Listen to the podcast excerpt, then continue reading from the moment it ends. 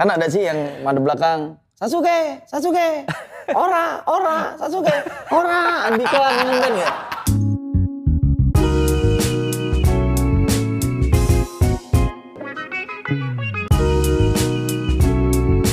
Tripod Show, sit and relax. Halo saudara-saudara, selamat datang di Tripod Show bersama saya Soleh Solihun yang tentunya sudah sit and relax. Semoga Anda semua juga sudah sit and relax karena bintang tamu kita kali ini istimewa didatangkan dari luar Jawa. sudah tahu dong siapa bintang tamunya ada di thumbnail dan ada di judul.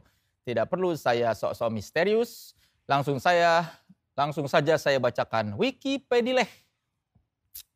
Maesa Andika Setiawan, lahir di Bandar Lampung 12 November 1983. Penyanyi, musisi, pengusaha, produser. Ini benar youtuber nih, coba muncul di YouTube. Orang kan bukan berarti youtuber dong. Dan mengawali karir sebagai vokalis dari grup band beraliran pop Melayu, yaitu Kangen Band sempat terjerat kasus narkotika dan obat-obatan terlarang, terus menjadi bulan-bulanan netizen. Pernah terpuruk katanya tapi akhirnya bangkit lagi dan kini semakin sukses dalam karirnya.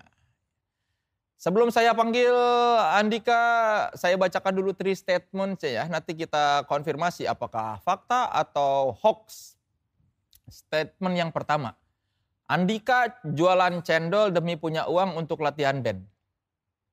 Statement kedua, Andika dan Kangen Band pernah gagal manggung di Amerika gara-gara terjerat kasus narkoba. Statement ketiga, Andika sampai saat ini belum siap untuk menikah resmi. Oke, saudara-saudara, langsung saja kita sambut Andika Mahesa.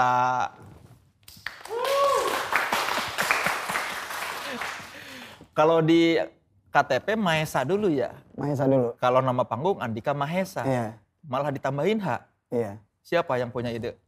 Sebenarnya eh, dulu apa KTP-nya emang sebenarnya pakai H karena Mahesa. Nah, kalau dulu kan apa KTP-nya emang masih bisa lewat telepon maksudnya bisa minta bantu gitu loh karena sulit kan makanya ta- tahunnya salah gitu kan. Terus hurufnya kurang satu huruf. Sekarang di KTP apa? Sudah pas. Maesa Andika, Andika Setiawan. Oh, KTP yang lama sudah. Andika Mahesa Setiawan kembali. Ya berbalik-baliklah kayak hidup kita ini. Oh, sok, Suka berbalik-balik ya. Sok bijak nih. Iya. ampun. Oke, kita konfirmasi statement pertama. Ya. Andika jualan cendol demi punya uang untuk latihan band. Ya itu dulu maksudnya tahun 98 dulu anak-anak kangen band tuh belajar ngebandnya eh, kangen band itu ngeband dulu gimana ya ekonominya menengah bawah kan kita maksudnya Hmm. eh, kita berpikirnya ngeband itu cuman khusus orang kaya. Ketika ada festival di Bandar Lampung orang ngeband bawa stick pakai sepatu Eh, bawa gitar. Kalau kita pakai sendal jepit ya kan? Ngeliat aja udah minder dulu. Uh gila dia orang bawa gitar kita bawa apa? Ya kita bawa inilah kartu pendaftaran kan? Technical meeting gitu. Jadi akhirnya kita mencoba pas mau rekaman mau latihan akhirnya kita cobalah. Dari tujuh anak itu berbeda-beda si Dodi kerja bangunan aku jualan es si Bebe bantuin ibu-ibu tukang uduk si Tama jual kaki apa sendal kaki swallow itu zaman Iya. dulu terus si Iji kerja di bengkel ya kita bagi-bagi sampai ngumpulin untuk bisa rekaman sama untuk latihan kenapa lu milih jualan cendol? karena di di Bandar Lampung pada saat itu untuk kerjaan sulit ya. Maksudnya dulu tuh susah banget, nggak ada kerjaan sama sekali. Setelah kita orang selesai sekolah nggak sekolah lagi, orang kan enak kerja kan, yang kerja bangunan. Mau ikut bangunan udah ada Dodi, Hmm. mau ikut jualan uduk udah ada. Jadi ada juga es gitu. Es itu merantau dari Jawa Tengah merantau ke Lampung, namanya es Banjarnegara namanya. Oh, es Gambarnya semar gareng itu, es dawet. Udahlah, beraniin diri akhirnya ke situ, ngobrol, boleh kerja nggak boleh. Akhirnya kerja gitu. Di tukang es dawet itu. Di tukang es dawet. Apa tugasnya? Tugasnya ya paling kalau pagi pembuatan cendol itu ngikut ngaduk-ngaduk. Hmm. Udah itu meres santan, habis itu habis meres santan baru taruh di gerobak baru jalan. Habis jalan minggir lagi tuh ke warung beli es batunya. Untuk es batunya baru dagang. Berapa lama itu jualan cendol? Saya agak lama, saya hampir dua bulanan, tiga bulanan saya. Laku nggak? Ya pertama dagang sih malu ya karena ada teman-teman di depan nyebut gitu kan malu. Aduh ada teman gua lagi, apalagi ada cewek yang kita suka. Waduh Itu dulu gua suka sama cewek itu tambah nggak suka nih ngeliat kita kan nyumput gitu. Jadi kalau ketika di orang nggak ada baru kalau orang nggak kenal dilayanin berapa belinya kita ambil layanin. Tapi dari hal yang malu kayak gitu akhirnya ketahuan akhirnya nggak malu lagi udah. Oh, Udah berani malu, berani dong gitu. dua tapi dua bulan doang kan? Udah iya, ke- karena kekumpul duitnya. Iya, terkumpul. Karena kan patungan dari tujuh orang itu patungan. Akhirnya saya dapat duit 75.000 ribu.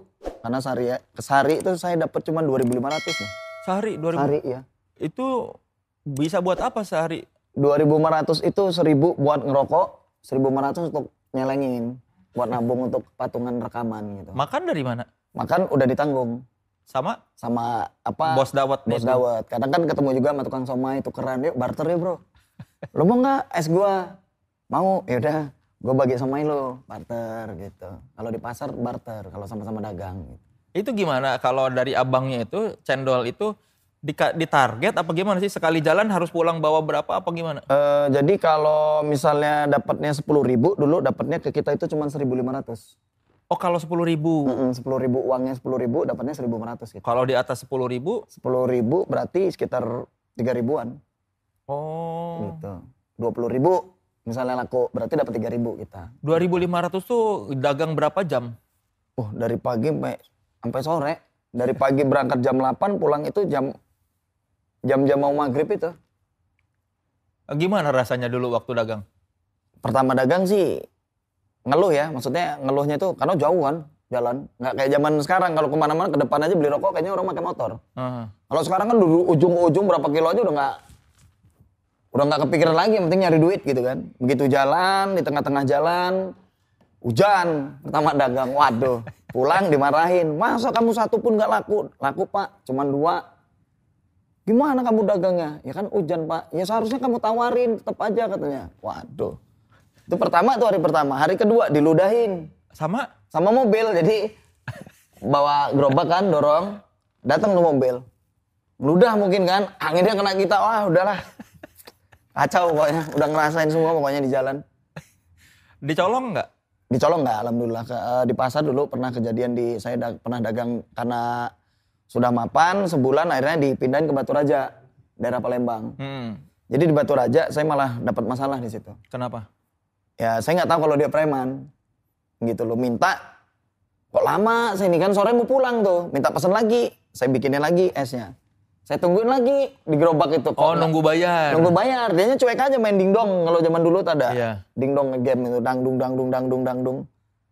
Waduh saya samperin aja lah. Pas ngambil gelas. Ambil ambil ambil kata dia saya cuci gelasnya balik lagi saya ke sana. Bang bayarnya gimana? Lu nggak tahu gue siapa. Ya nggak tahu uh ditabok belempang belempang saya lawan lah karena sakit kan nggak tahan saya. Duh bu bak buk saya lawan dari saya pukul berapa kali saya lari dikepung saya. Udah dari situ saya pulang. Gerobaknya ditinggalin. saya tinggalin hancur gerobaknya. Bos saya yang marah-marah udah saya nggak mau dagang lagi. Udah cukup Jadi pengalaman. karir lu sebagai penjual cendol tuh terhambat sama preman dingdong ya? Iya, preman bukan preman dindong sih. Mungkin dia preman pasar situ. Preman Mungkin karena saya baru, teman saya baru ngasih tahu itu preman. Biasanya emang gratis jatah preman. Waduh. saya nggak tahu kan maksudnya. Seharusnya di- dikasih tahu dulu gitu nggak Berarti dia tidak meyakinkan sebagai preman karena tampangnya nggak serem. tahu. Preman kita malah. Iya kan? Timbangan dia kan. Bener. Udah bener itu. Oke, statement kedua. Andika dan Kangen Ben pernah gagal manggung di Amerika akibat terjerat kasus narkoba. ya. Tahun berapa? Emang Tahun 2009. 2009 itu udah album keberapa? Udah album mau album ketiga ya. Mau album ketiga. Sempet ada dari mana Amerika tuh dari mana yang ngundang itu siapa? Eh, jadi eh, saya nggak tahu ya karena eh, pas itu kita kan masih dinaungi manajemen jadi semua apa urusan kita tuh dinaungi sama manajemen Hmm. jadi pada saat itu di kita bikin lagu namanya judul lagunya tujuh minten kuliah di Washington kalau malam main ke Las Vegas gitu kan kalau malam kuliahnya di Amerika gitu kan jadi karena lagu itu diundanglah ke sana tiba-tiba saya emang emang saya emang darah muda mungkin ya bandel make ketangkep akhirnya dampaknya ke semua personil gitu. Oh, lu doang yang make padahal. iya Kok bisa ketangkep? iya ketangkep karena saya ma- sama keyboard saya ketangkep itu Hmm. sama pemain keyboard jadi saya lagi tidur jadi Iji manggil koi ayo kita dia saya kan dipanggilnya Diko yuk Kenapa? Gua ada aplikasi keren nih, kata dia amplakan dulu berdua tuh di kosan. Akhirnya saya keluar, ternyata ngelinting gele di situ. Ya udah akhirnya saya pakai juga set set, nggak lama terus itu ya kayak dicepuin lah kalau bahasa sekarang tuh.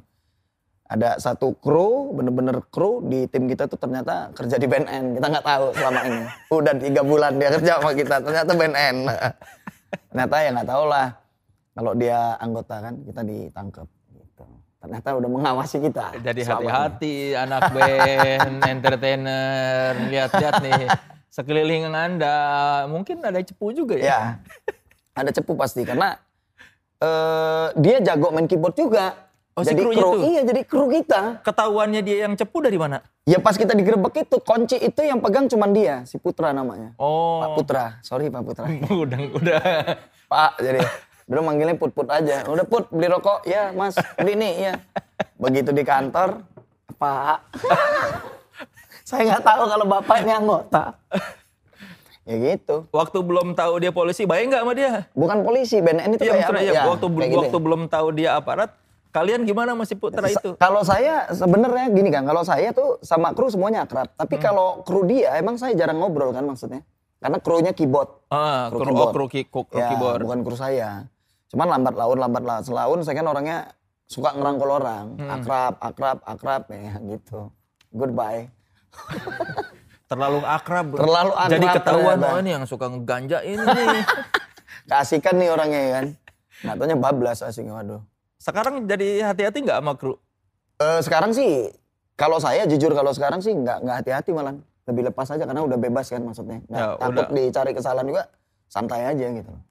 Udah nggak pernah udah nggak pernah ngeganja lagi. nggak kalau dulu kan Parno ketemu orang Parno ketemu teman polisi temen gitu kan teman saya jadi polisi. Bawaannya Riko bro nongkrong yuk. Wah jangan. Bro ini bro takut. Bawaannya panik kan. Parno nggak tenang hidupnya. Kalau sekarang oh udah akrab semua gitu Karena nggak ada yang disembunyikan. nggak ada yang disembunyikan. Sampai om saya yang jenderal juga ngomong kalau kamu kasus narkoba saya nggak mau nolong. Makanya saya nggak berani. Sekarang udah akrab lagi semua gitu. Alhamdulillah sudah. Ibaratnya kalau bercanda-bercanda mau pulang jam berapa aja nggak nggak takut gitu loh. Kalau dulu kan hmm. pulang kangen band itu pulang nongkrong jam 1 jam 2 pasti orang pikirnya udah aneh-aneh. Eh, gitu. Kalau sekarang nggak udah nggak khawatir saya santai. Dulu kenal ganja dari siapa? Dari ya emang di kampung saya lingkungannya ganja sabu itu emang emang lumrah gitu loh. Hmm. Di pergaulan di situ di Lampung tuh kayak kayak beli kacang gitu.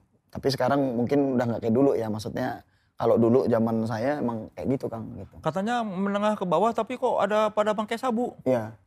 Kan mahal. Uh, sabu di Jakarta yang mahal kalau di Lampung murah. Nggak maksudnya eh sabu itu emang mahal tapi kan makainya bukan satu orang, beda sama ganja. Eh, Kalau belanja 4 3 orang pasti kebeli. Kalau sabu itu kan patungan 50 50 50 50 cengdem dorang kan dah. Ampro kan jadi mau seisep dua isep udah jadi aja pokoknya mereka gitu. asal ngerasain sabu. ya gitu. Mabok tanggung sebetulnya berarti Ya ya. kentang. Nyabunya nyabu nanggung. Nanggung, matanya aja merah. Giginya kuning. Kalau manggung kangen band paling jauh ke luar negeri mana aja? Eh, Australia, Cina, Hong Kong, Malaysia, Singapura, Filipina, eh, itu sekitar situ Taiwan. Dan itu mereka pada tahu lagunya kangen band ya? Tahu TKI yang tahu. Gitu. Lagu apa yang paling di antara negara-negara itu yang paling hits? Mereka sukanya lagu Terbang Bersamaku, Doi, Pujaan Hati, Hmm. terus tentang Aku Kau dan Dia, Yolanda. Ya sebagian lagu kangen band kan emang emang mudah diingat ya, jadi kebanyakan nyanyi mereka gitu. Perasaan lu bisa ke luar negeri gara-gara lagu gimana sih? Dulu nggak nyangka lah maksudnya, waduh luar negeri bener tah luar negeri gitu kan, pakai paspor segala macam kan, kita kan sembarangan orangnya kan, selebor, kadang paspor lupa, taruh di mana kan gitu, ya seneng sih maksudnya, eh pikir cuma di Indonesia aja kan, ternyata begitu nyampe luar negeri ada juga yang kenal kita gitu loh, tapi kita emang pada saat itu emang nggak sadar kalau kita emang public figure gitu loh, orangnya ma- masih sembrono aja gitu loh.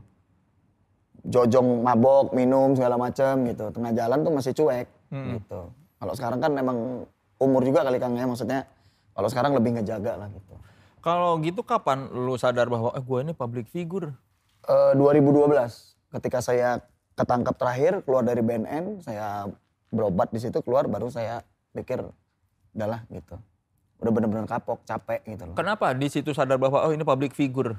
Eh sebenarnya nggak nggak sebenarnya nggak sebenarnya harus public figure ya diperhatiin orang saya berpikirnya tentang anak-anak saya sudah besar kan sudah dewasa gitu loh sudah ngerti gitu loh maksudnya kayak dia ngomong udah sih ya gitu loh mau sampai kapan saya ini malu sekolah dicengin gitu loh dibully sama teman-teman Apa katanya? Mereka ngecengin gimana? ya bapak lu tuh bininya banyak kata dia kan pacarnya banyak mabok-mabokan gitu dan di situ saya agak terrenyuh kan tek ah, benar juga gitu padahal kan saya selalu menjelaskan eh, bahwasannya yang dia tonton itu di rumah belum tentu itu benar kan Hmm. itu settingan nak gini gini gini yang walaupun settingan ya orang nggak tahu apa-apa ayah enak ngomong kayak gitu gitu apakah yang lain bisa kayak Kay nerima keadaan semuanya gitu. ya udah saya ya sadar gitu. Oke yang lah. settingan yang mana? Yang pacar banyak apa istri banyak? ya istri banyak pacar banyak settingan juga Jadi istrinya ada berapa sebetulnya? tuh dua dua Yang benar dua. ya Selebihnya itu settingan. ya Dapat duit berapa? Ya bervariasi maksudnya eh, ada yang sampai 100, ada yang 75 gitu. Jadi mereka nyamperin. Saya Gue bayar sih- deh segini. Sebenarnya gue itu awal-awal settingan tuh malah nggak percaya kan maksudnya ada dari manajemen nelpon saya mau nggak settingan sama artis gua. Maksudnya gimana nih? Lu nemenin aja di TV pura-pura jadi pacarnya. Bener apa enggak? Saya bilang kan, ini bercanda apa ngolain apa ngeledek gitu kan. Eh, Saya la- mikir, mikir, saya okein aja. Oke deh. Berapa? Yaudah nih gua kirim 75. Ya udah, DP dulu. Dikirim 50. Oh beneran ini berarti kan? Prepare kita berarti kan? Wah ini rezeki Kang gitu loh. Daripada kita manggung capek-capek, nemenin dia aja sejam ngobrol di TV kan? ya. Jelas duitnya gitu kan. Oh ya sudah. Akhirnya keterusan Kang gitu loh. Keterusan, keterusan, ada berikutnya, ada berikutnya. Saya nggak, saya kan nggak akan menjawab kan pertanyaan wartawan ataupun media karena saya berpikirnya kalau saya menjawab mereka ini siapa, maka mata pencarian saya habis. Iya. Gitu kan, ini urusan dapur gitu loh, nggak mungkin saya buka. Ketika kontrak itu sudah habis, baru saya ceritain gitu. Tapi kan capek ditanya-tanya zaman dulu. Ini bener Andika pacarnya? Gitu. Gampang, ngilang aja, biar aja dia orang capek nanyain terus kan. Biar yang dikejar ceweknya. Nah, Eh, Tercapai cita-cita tercapai ceweknya itu. cita-citanya, rusak. Minum dulu ya kan? Tercapai untuk rusak maksudnya. cewek-cewek itu gimana merasaannya di dijodoh apa maksudnya di disettingin sama vokalis kangen band? Perasaan saya sama perasaan dia mungkin beda ya kan. Kalau perasaan saya mah seneng banget. Ceweknya cantik, dapat duit. Perasaan dia wah musibah nih mungkin ya kan. Ya serah dong salahin manajemen lo sama produser lo. Gue mah yang penting nyari duit ya. Gue bodoh dari kampung ke Jakarta misalnya gue merantau nih. Dari kampung ke kota kan cari duit. Iya. Jadi sah-sah aja menurut gue gitu loh. Yang penting gue menguntungkan take and give ya sudah. Masalah naik enggaknya urusan belakang Kang. Iya, yang penting mah udah iya. transfer. Toh asal mau duduk bareng aja ya. Cuma Nah, gitu ya itu, job desk-nya du- cuma Duduk aja job desk-nya. Udah lama berhubungan ya baru gimana ke depannya insya Allah. gitu insya Allah aja ya kan. ada berapa tuh berarti cewek settingan? Satu, dua, tiga, sekitar enam. Wah lumayan dong. Iya lumayan, agak-agak pegang tangannya aja pura-pura ya kan dilihat itu kan kayak mesra bener Kang ya kan padahal padahal mah begitu pulang mampus loh. Minum lagi kan Kalau selalu. Kalau satu eh, satu cewek 75 paling murah 75 dong Ya. gitu kan. Ya. 6 kali 75 032 dapat 450 ribu, Ya. 450 juta. Muka kayak gini gimana muka kayak Luar Kang Saleh kan? Enggak, gua Itu. gua kurang norak. Yo. Kurang norak. Sekarang emang bener sih yang norak-norak itu emang duitnya banyak. Iya. Biasanya iya, gampang viral masalahnya. Jadi kalau ketika ketika kita bikin lagu saat ini begadangan sampai jam 3, jam 4 tuh sia-sia Karena berkarya. Iya, orang kaper aja naik kan. iya. Iya kan? Orang yang joget-joget kayak gini kayak gitu itu viral. Kita nyari duit, wah gila gue begadangan cuman gini-gini doang dapet duit. Enak kan? Jadi eh, mulai kendor gitu loh. Maksudnya eh, ketika mau ber berkarya itu bener-bener berpikir, ah nanti gue berkarya kena cover ya nggak masalah itu kan rezeki manusia. Iya. Cuman yang berpikirnya cuman joget-joget doang dapet duit. Kita yang ngos-ngosan di tengah malam gitu. Jadi mulai agak kendor nih semangat gitu. Tambah lagi pandemi. Mundur jadi. Bukan kendor lagi, mundur. Sayang udah nggak nerima job settingan kawinan ya. Ya, kalau masih ya ma- masih lancar Kang. Kenapa berhenti di 6 itu? Apa yang momen udah nggak nggak nggak akan nerima lagi? Iya, saya berpikirnya kembali lagi ke anak ya. Karena anak-anak anak saya kan banyak kan maksudnya bukan satu gitu loh. Dia dan, dan mereka mengerti gitu loh. Saya takut anak saya yang kecil yang umur 6 tahun yang 7 tahun akan mengerti juga karena anak kecil zaman sekarang bukanya YouTube. Ah. Buka buka keluar aja di beranda. Tapi papa Hmm. dibuka, ih papa siapa? Ma? Ini mama mana? Ini tante mana? Waduh bingung kita jawabnya. Udahlah kacau juga berarti YouTube ini kan gitu. Oh jadi anak yang akhirnya bikin Iya. berhenti tuh. Papa ngobrol dia sama temennya, uh papaku banyak ceweknya baru lagi loh, aku punya tante. Waduh katanya, ayo nana nana ambil mak, jangan keluar keluar gerbang, tutup kunci, jebret ya kan. Tapi kan di satu sisi Ya. seakan-akan wah Andika kangen band gampang banget dapet cewek cantik-cantik. Iya, itu kan persepsi orang. Eh, kalau gue pikirnya gini, nggak bisa orang menilai 100% gue salah. Karena belum tentu yang dia mereka lihat itu benar semua gitu loh. Ini cuma hiburan. Jadi seni hiburan itu menurut gue kebanyakan dari apa yang kita lihat kebanyakan fiktif. Kayak kita nonton misalnya eh, komedi. Hmm. Orang jatuh-jatuh dipentung. Orang yang nggak tahu, uh pecah tuh palanya dipentung meja. Padahal mejanya stropom. Iya. Jadi saya ngejalanin itu, oh ini mah cuma hiburan aja. Dunia ini kan panggung sandiwara, jadi lu tinggal pilih ceritanya. Mau yang jadi orang jahat, antagonis, baik, apa pura-pura, apa nunduk aja kayak nying-nying sampai pagi. Jadi, gitu. jadi saya berpikirnya itu aja, gitu loh. Nah kalau gitu bagaimana mendeteksi. Kita lihat di infotainment mana yang pacaran beneran, mana yang settingan. Cara mendeteksinya gimana? Yang mendeteksi wartawan yang nilai, kita mah nggak usah nilai kan, biarin aja. Yang penting kita dapat duit kan. Enggak kalau kalau kita sebagai orang awam kasih Ya. tips Ya. buat para penonton tripod show mendeteksi ini settingan atau enggak apa tipsnya yang bisa kita lihat. Yang bisa kita lihat kan udah jelas, ya. Maksudnya ngejalanin hubungan nggak mungkin lebih dari tiga bulan pasti. Pasti bohongan. Sekarang begini, saya punya sahabat nih Vicky, Hmm. yang jelas-jelas mau nikah, kenapa gagal? Apakah itu settingan? Kita kan nggak tahu sampai saat ini kan misteri. Ini Vicky ini nikahnya settingan atau gagal apa? Kata orang kendala kita nggak nggak tahu. Nah itu misteri sampai saat ini. Nah makanya itulah yang gue bilang Eh, di dunia hiburan ini nggak bisa kita jadiin patokan untuk keseriusan gitu loh. Tapi serius tapi santai. Ada serius ada santai. Jadi jangan terlalu nerima apa Ya. yang dilihat lah ya. Eh, kayak gua dulu dunia ngetawain gua, ah Andika bajingan nih, lagi naik-naiknya masuk penjara, kasusnya narkoba, goblok, nggak bersyukur segala macam. Itu hujatan habis ke gua. Ah. Begitu gua masuk penjara, gua lihat koran berita-berita, wah hancur, drop, titik terendah. Pasti saya ngedrop lah. Hmm. Ketika saya bebas, saya berpikir, ya Tuhan kalau emang dikasih kesuksesan sekali lagi, gua janji demi anak-anak gua, gua nggak akan aneh-aneh lagi. Ternyata saya keluar, saya bebas dari narkoba, sekarang saya bisa berubah. Orang sekarang, Andika hebat ya sekarang, badannya udah sehat, sekarang udah gemuk, udah bisa maintain, udah bisa bikin usaha, udah bisa bikin invest di mana-mana gitu loh. Saya kan, misalnya beli rumah, beli rumah, beli rumah, nggak saya tempatin gitu loh. Udah bisa invest. Kalau dulu kan saya nggak bisa itu. Itu salah satu, saya menunjukin itu per- salah satu perubahan saya. Nah tiba-tiba kemarin ada beberapa berita eh, nyinggung ke saya, mantan saya ketangkep. Itu bukan urusan saya. Hmm. Toh saya lepas sama dia udah empat tahun lebih, udah udah lama gitu loh, mau lima tahun saya pisah sama dia. Kenapa harus disinggung dengan saya? Sementara dia punya suami gitu. Dulu orang ngetawain saya, sekarang artis kasus juga banyak kasus narkoba Hmm. gitu. Jadi be- berpikir saya inilah dunia gitu loh. Jadi dunia itu nggak selalu di atas berputar. Ada pasenya hari ini sedih, besok belum tentu gue sedih. Hari ini gue bahagia, belum tentu besok gue bahagia. Makanya dari sekarang dijaga gimana caranya kebahagiaan ini lama gitu loh. Kalau- sedih ini ah. pasti ada bahagianya gitu. Sekarang dalam fase yang mana? Di tengah-tengah. Sedih enggak, bahagia enggak. Kenapa? Karena gue menikmati. Kalau kemarin gue misalnya banyak uang, itu nggak menikmati. Kenapa nggak menikmati? Menikmatinya dengan salah. Misalnya beli narkoba itu kan nggak menikmati sebenarnya. Cuman pikiran gue, gue merasakan itu. Ternyata tidak. Pandangan masyarakat kan, ah gue nikmatin kok, gue bahagia, gue pakai, gue cucau segala macem, Hmm. happy. Ternyata happy itu buat menjurumusin gue. Tapi kalau sekarang, kenapa? Gue bilang sekarang bahagia, ternyata gue nggak punya pasangan. Itu yang kadang-kadang gue bikin kayak gue ngurus anak gitu kan. Biasanya kan anak diurus ibunya. Ini gue harus ngurus anak gitu kan. Bahagia gue. Cuman satu sisi bahagia nggak anak gue gitu. Jadi gue di fase yang itu sekarang gitu loh. Di tengah-tengah sedih enggak, bahagia enggak. Jadi ngejalanin gitu kan. Fase mensyukuri. Mensyukuri, bersyukur, ikhtiar. Masuk ke statement berikutnya berarti. Andika memang belum siap menikah.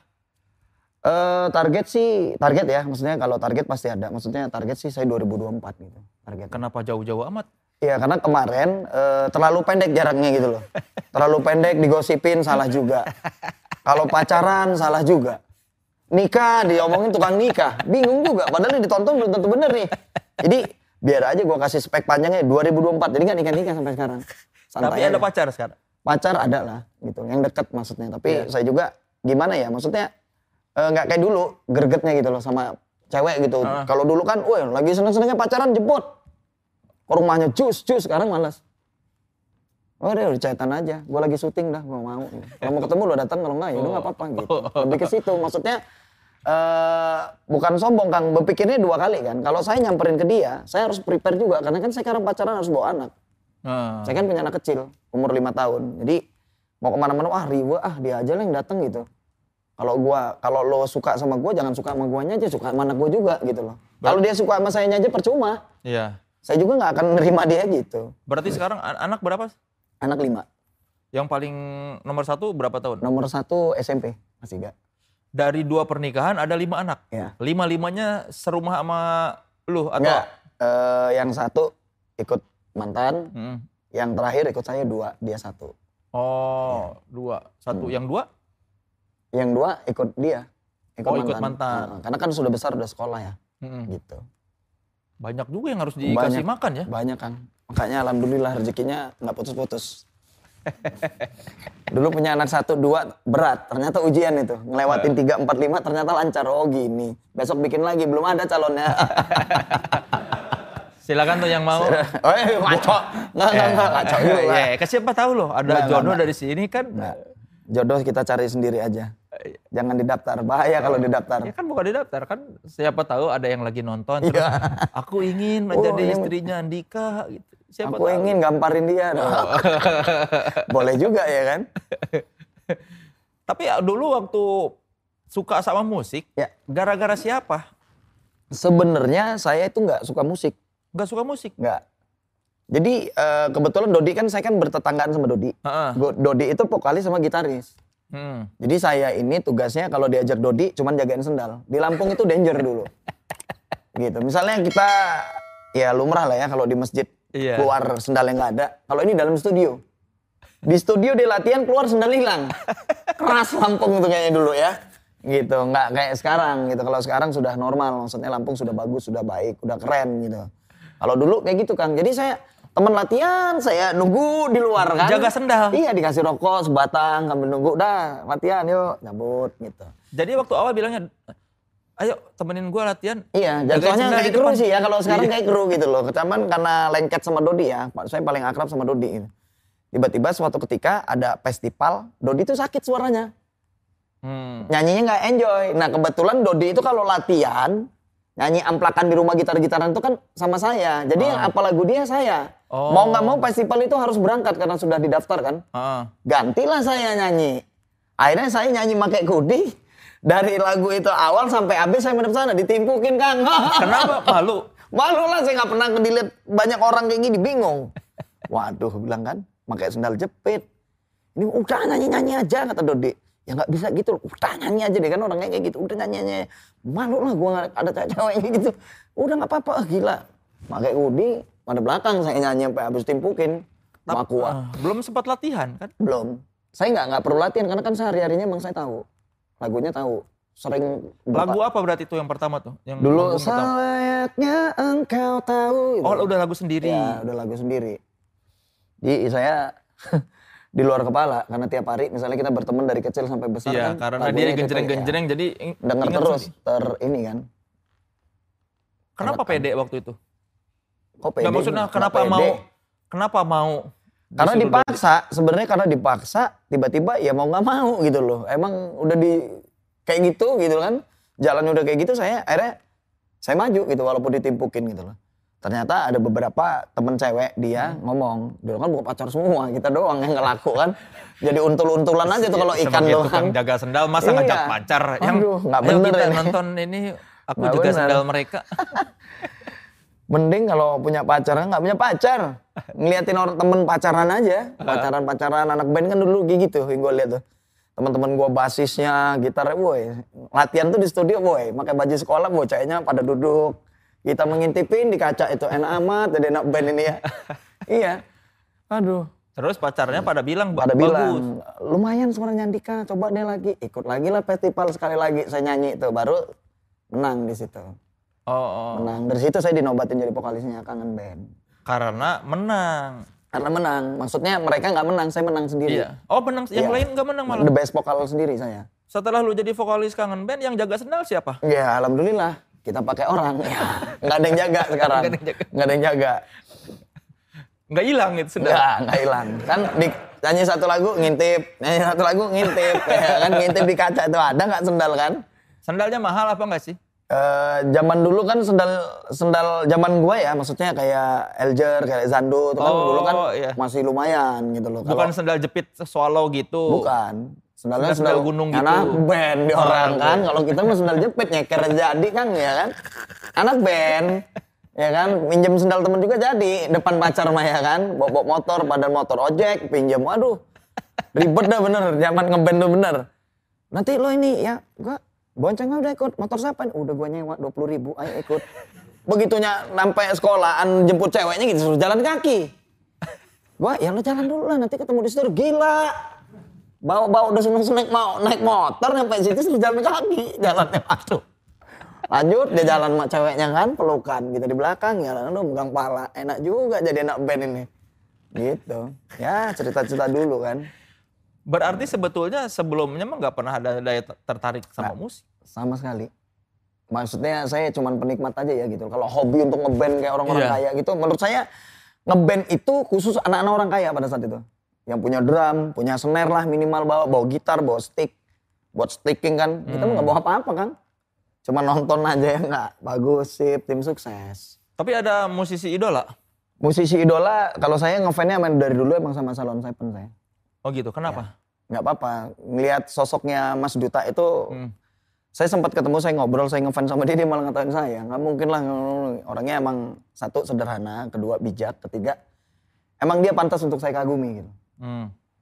gitu kenapa sosok dia itu menjadi motivasi menurut saya inspirasi menurut saya dia itu orangnya nggak neko-neko ya maksudnya sorry nih dari semua artis dia itu orang yang paling menurut saya tapi ya Hmm. menurut saya orangnya nggak pernah neko-neko Kalau gitu pengaruh Sila on Seven ke dalam kangen band apa yang yang orang banyak nggak tahu? eh Dodi ada beberapa karya kayak eh Salon Seven ngeluarin lagu dulu Sepia. Selamat tidur kekasih gelapmu Sepia. Dodi bikin lagu.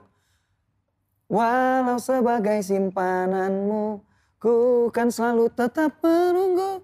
Walau hanya kekasih gelapmu. Itu salah satunya gitu. Oh. ya bikin lagu terinspirasi dari Salon Seven itu ah. salah satunya gitu. Jadi eh, kenapa lagu itu saya suka? Karena terlalu nempel sama lagu itu hampir liriknya hampir sama gitu. Hmm. Salah satunya ya yang kayak gitu gitu loh.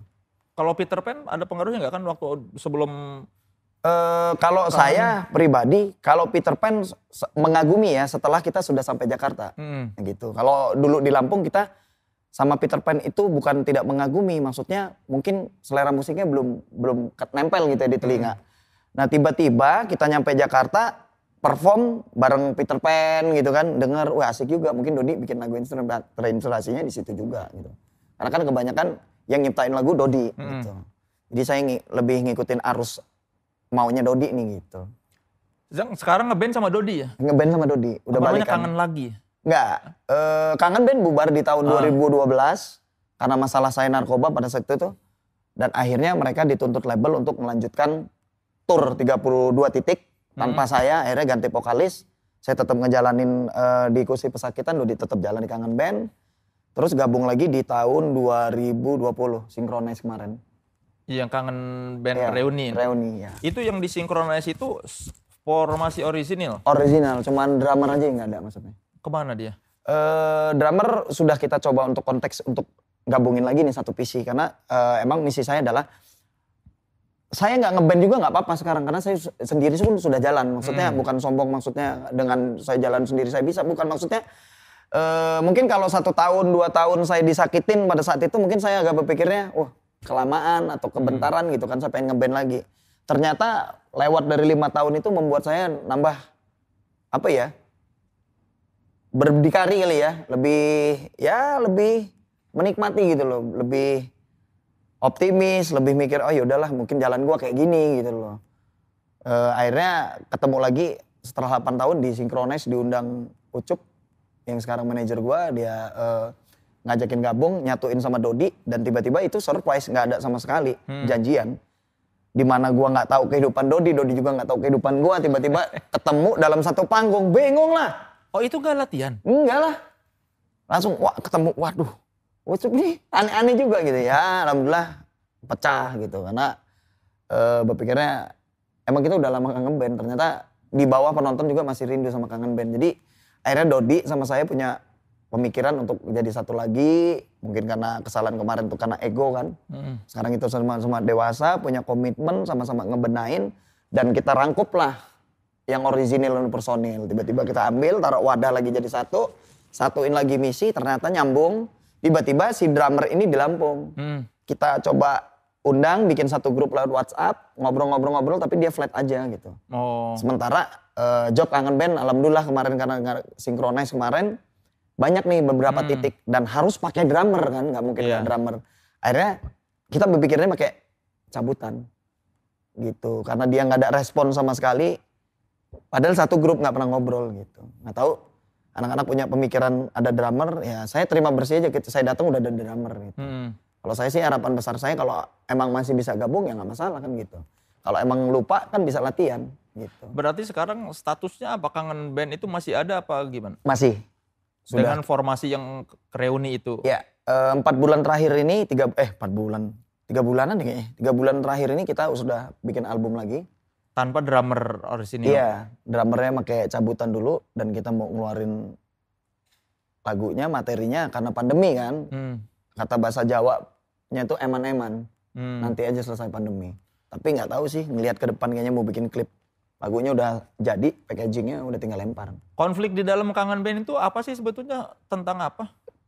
Kalau saya pribadi, apa ya? Saya berpikirnya mungkin karena satu masih muda ya ego, satu, kedua uang, Hmm. tiga kurang transparan. Kalau saya tuh pengennya eh, kita sama-sama transparan lah gitu loh. Berapa pendapatan pembagian gitu. Kalau saya sama anak-anak nggak ada. Saya mau orang orang dalam Hmm. gitu loh. Karena saya mungkin vokalis Kang ya, maksudnya bergaulnya lebih mudah aksesnya gitu loh. Hmm. Jadi sama orang kenal ngobrol sharing sama orang dipanggil sharing sharing dengan beberapa teman ternyata selama ini saya dibohongin gitu. loh. Hmm. Dan selama itu dibohongin saya tahu tapi saya diem aja. Saya cuma mau nilai sampai mana sih lu goblokin gua gitu. Ternyata makin goblokin gitu loh. Nggak tahan saya.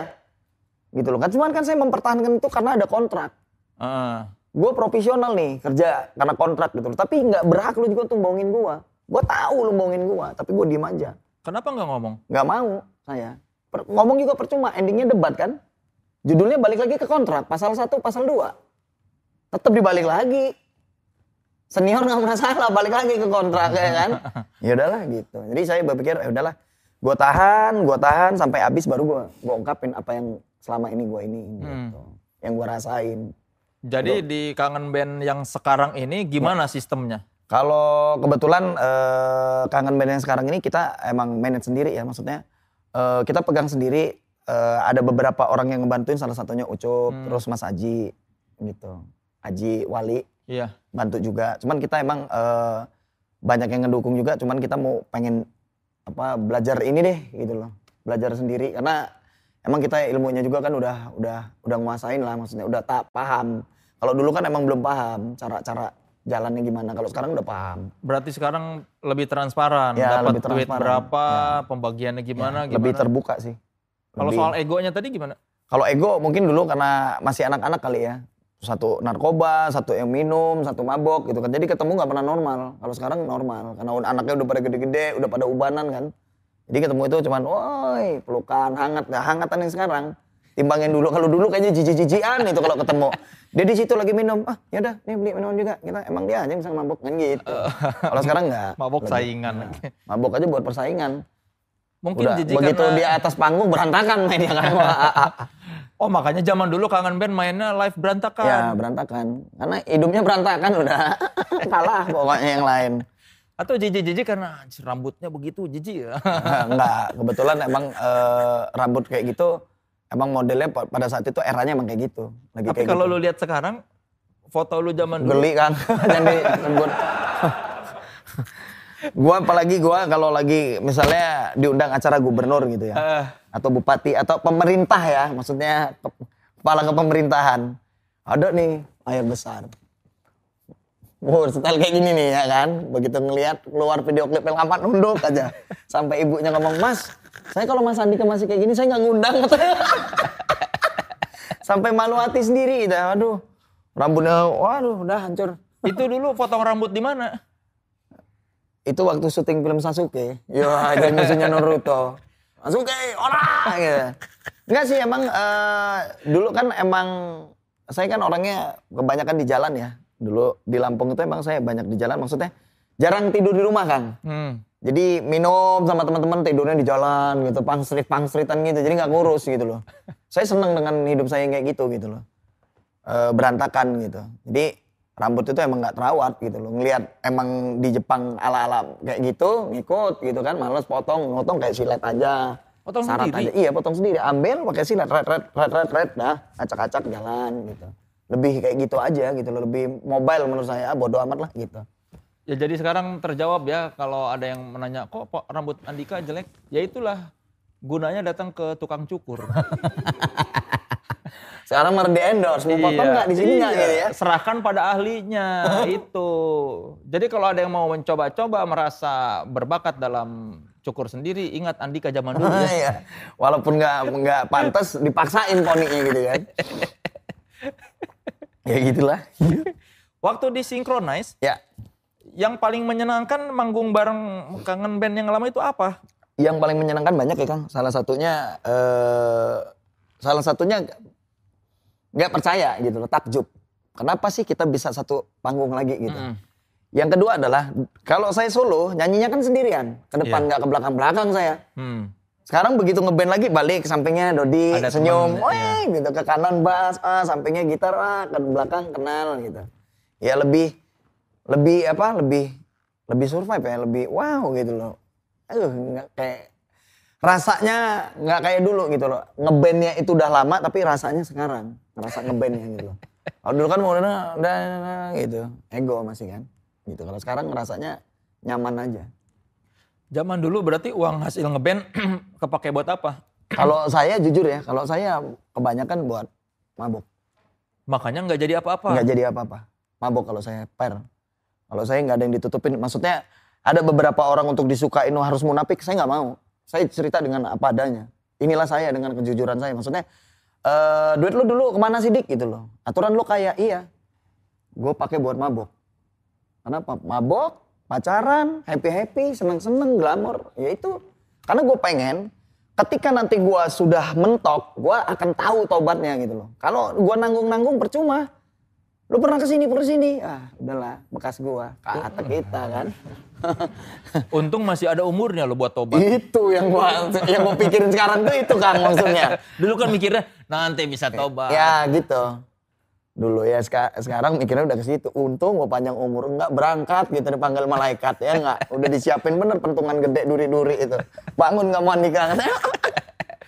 Berarti makmur tuh baru sekarang-sekarang. Makmur ini sudah tujuh tahun ke atas. Setelah berhenti mabok. Ya setelah nggak nggak aneh-aneh lah jelas. Mm-mm. Mm-mm. Maksudnya aneh-aneh itu nggak nggak nggak ya nggak aneh-aneh dari dunia kayak gitu. gitu. Masuk politik juga aneh-aneh berarti. Nggak udah udah normal gitu kan udah lima tahun yang lalu kalau itu. Dulu tergiur karena apa mau bergabung di partai? Eh sebenarnya saya itu bukan tergiur ya, maksudnya saya lebih eh, ada apa sih di dalam gitu politik ini gitu loh. Kalau saya berpikirnya kalau saya nggak belajar politik, saya akan dipolitiki orang itu pasti. Hmm. Kalau saya bodoh politik pasti tidak dipolitikin orang. Jadi saya belajar. Saya cari pengalaman masuk ke dalam, ternyata ada ya kisi-kisi ada cheese-nya ya nggak masalah. Oh ternyata ada duitnya juga ngikut gitu, ngikut aja nyeruntul-nyeruntul gabung gitu. Apa pelajaran berharga dari selama di partai itu?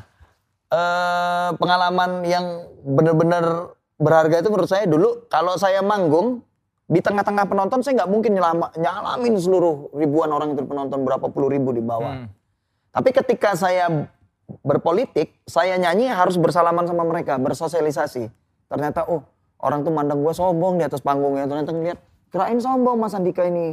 Ternyata nggak sombong. Oh berarti gue di, dica- nilai orang kayak gitu gitu. Ya tapi kalau seribu orang harus disalamin mah ya PR juga dong. Enggak. Kita kan emang bersosialisasi duduk senam bareng segala macem foto bareng. Fotonya nggak satu-satu kang. Mati kalau satu-satu. Patah kaki rame Oh, jadi gara-gara ikutan partai orang jadi oh ternyata ramah oh, Andika itu. yang dicerita-cerita orang tuh nggak bener gitu. Kirain oh, hidupnya seruntulan gitu loh. Saya bilang bu orang yang seruntulan itu belum tentu seruntulan pribadinya. Jangan lihat orang yang pakai peci.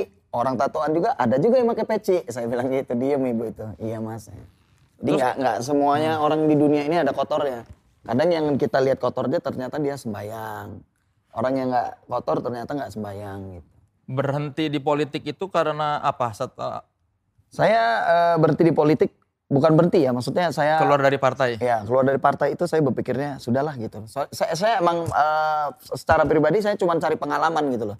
Setelah saya sudah kuasain, oh bersosialisasi kayak gini, berpolitik ini kayak gini, sersan ngompol saya manggilnya. Apa itu?